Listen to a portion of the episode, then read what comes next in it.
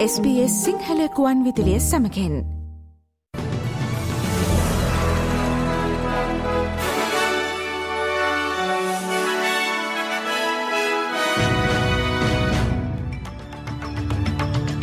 අද දෙසැම්බර් මස විසි දෙවනිදා සිකුරාදා SBS සිංහල සේවේ ප්‍රෘතිගෙනන මම දිනේශාදිල් රුක්ෂී විජේසූරිය. රතමෝදී ආරක්ෂාව වෙනුවෙන් ඇමරිකාව ප්‍රමුඛ බටහිරු රටවලින් සැදුම්ලත් නාවික ආරක්ෂක බලකායට ඔස්ට්‍රේලියාව යුද නෞකා වෙනුවට ආරක්ෂක බටයෙන් නැවීමට තීරණය කළ බව රජය පවසයි. රතමුහද හරහා ගමන් කරන වානිජ නැව්වලට යේමනේ බෙදුම්වාදී හූති කරලිකරුවන් විසින් ප්‍රහාරෙල්ල කිරීම හේතුවෙන් එම ප්‍රදේශයේ ආරක්ෂාව තර කිරීම වෙනුවෙන් ඇමරිකා එක්සත් ජනපදය ඔස්ට්‍රේලියාවෙන් යුදනෞකා සපයමින් එම ක්‍රියාවලියට ආධාර සපයෙන් ලෙසට ඉල්ලා සිටියේය. නමුත් අගමැති ඇන්තනි ඇල්බනීසි පවසනුවේ ඒ වෙනුවට යුද භටයින් සපයමින් මෙරටට අභියෝගයක් ඇති පැසිෆික් මුහුදු කලාපය කෙරෙහි වැඩි අවධානය රජය විසින් යොමු කරන බවයි. එසේම ඉදිරිවසර තුළ ඔස්ට්‍රේලියාව විසින් ආරක්ෂක බටයෙන් දහසයක් මෙම රතු මුහුදු කලාපේ ආරක්ෂාව වෙනුවෙන් යවනු ලැබෙන බවද අගමැතිවරයා පවසා සිටියේය. We continue to cooperate and we contribute to the maritime operation. We have uh, personnel in Bahrain at, at the headquarters and we continue to make that contribution. But we also, of course, uh, prioritise our region and the United States certainly uh, understands that. ජැස්ප සුලිකුණාටුවෙන් උතුර කවීන්ස්ලන්තයට සිද වූ හානිය තක්සේරු කෙරමින් පවතිේ. නිවාස එක්දහස් හාරසියකට වැඩි ප්‍රමාණයකට හානි සිදු වී ඇති අතර නිවාස තුන්දහස් පන්සියකට තවමත් විදුලිය නොමැති බව බලධාරීන් පවසායේ. නිවාස රක්ෂණ ආවරණයක් නොමැති අය සඳහාද අලුත්වඩියා කිරීමේ පිරිවැය ආවරණය කිරීම සඳහා ඩොල පනස්ටාසක ආධාර මුදල් මධ්‍යම රජය විසින් ලබාදේ.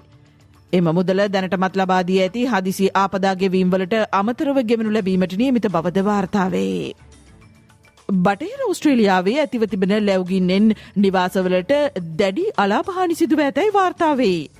ලැවගිනි සමඟ පොරබදිමින් සිරින ගිනිවන බටයින් අද දිනේද තවත් දුෂ්කර දවසක ආරම්භයක් සනිටුහන් කරමින් සිරින බව බටහිර ඔස්ට්‍රේලයා වාර්තා සඳහන් කරයි. පසුගිය දින දෙක තුළ පර්තේ නැගෙනහිරට වන්නට ඇති පඳුරුබිම් ප්‍රදේශ සහ පාක්වෙල් උපනගරය ආශිතව ඇතිවුණු ලැවගිනි පහක් පාලනය කිරීමෙහි ගිනිවන බටයන් නියලමින් සිටී. ලැවගිනිවල අවධානම් මට්ටම පහතහිලීමෙන් පසුව හදිසි අනතුරු ඇඟවීම් නවතා දමා තිබෙන බවද වාර්තාවේ. නමුත් බටහිර ඔස්ට්‍රේලියාවේ ගිනිහා හදිසි සේවා කොමසාරිස් ඩැරම් කේලම් පවසා සිටියේ දින ගණනකට මෙම තත්ත්වය යහපත් නොවනු ඇති බවයි. නත්තල් සමය හේතුවෙන් සිදුවන සංචාර වැඩිවීම නිසා ඉදිරි දිනවලදී ලක්ෂ සංඛ්‍යාත ජනතාවක් ඔස්ට්‍රේලයානු ගුවන්තොටුපළවල් හරහා ගමන් කරනු ඇති බව වාර්තාවේ. මෙම නිවාඩු සමය කොවිඩ් වසංගතයෙන් පසු වසර හතරක් තුළ ඇතිවුණු කාර්ය බහුලතම නිවාඩු කාලය වඩු ඇතැයි අපේක්ෂා කරේ.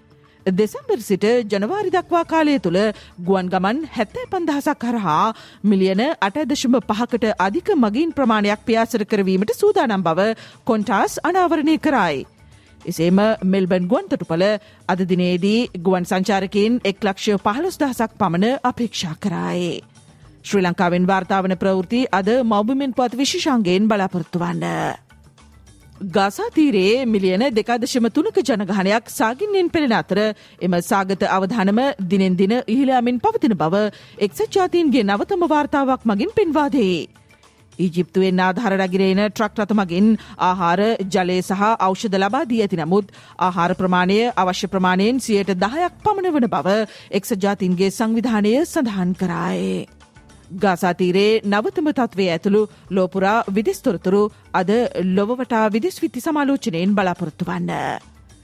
චෙක්ජන් රජයේ ප්‍රාග් අගනුවර විශ්වවිද්‍යාලයකදී එහි සිසුවක විසින් තැබූ වෙඩිතැබීමකින් පුද්ගලයෙන් දාහතර දෙනෙකු ඝාතනය වී ඇති අතර තවත් විසිහතර දෙනෙකු බරපතර තුවාල ලබා ඇතැයි වාර්තාවේ. චෙක් පොලිසිය වැඩිතුර පරීක්ෂණ පවත්වායේ. ඉන්දිය ප්‍රමියලි ක්‍රීඩක වෙන්දේසියේදී ඉන්දිය රුපියල් කෝටි හතරඇදශම අටකට නුවන් තුෂාරද කෝටි හතරඇදශම හයකට දිල්ශාන් මදුශංකද මිලදී ගැනීමට මුම්බයි ඉන්දියන්ස් කණ්ඩායමි හිමිකරවෝ ඉදිරිපත්ව තිබේ. නමුත් සන්රයිසස් හයිද්‍රාබාද් කණ්ඩායම වනිදු හසරංග මිලදීගෙන ඇත්තේ ඉන්දිය රුපියල් කෝටි එකයිදශම පහක මුදලකට බවද වාර්තාවේ. මේ ඇතුළු ශ්‍රී ලංකාවේ සහ ඔස්ට්‍රේලියාවේ ක්‍රීඩා පිටිවල නවතම තොරතුරු අද සතිය ක්‍රීඩා විග්‍රහයෙන් බලාපොරොත්තු වන්න.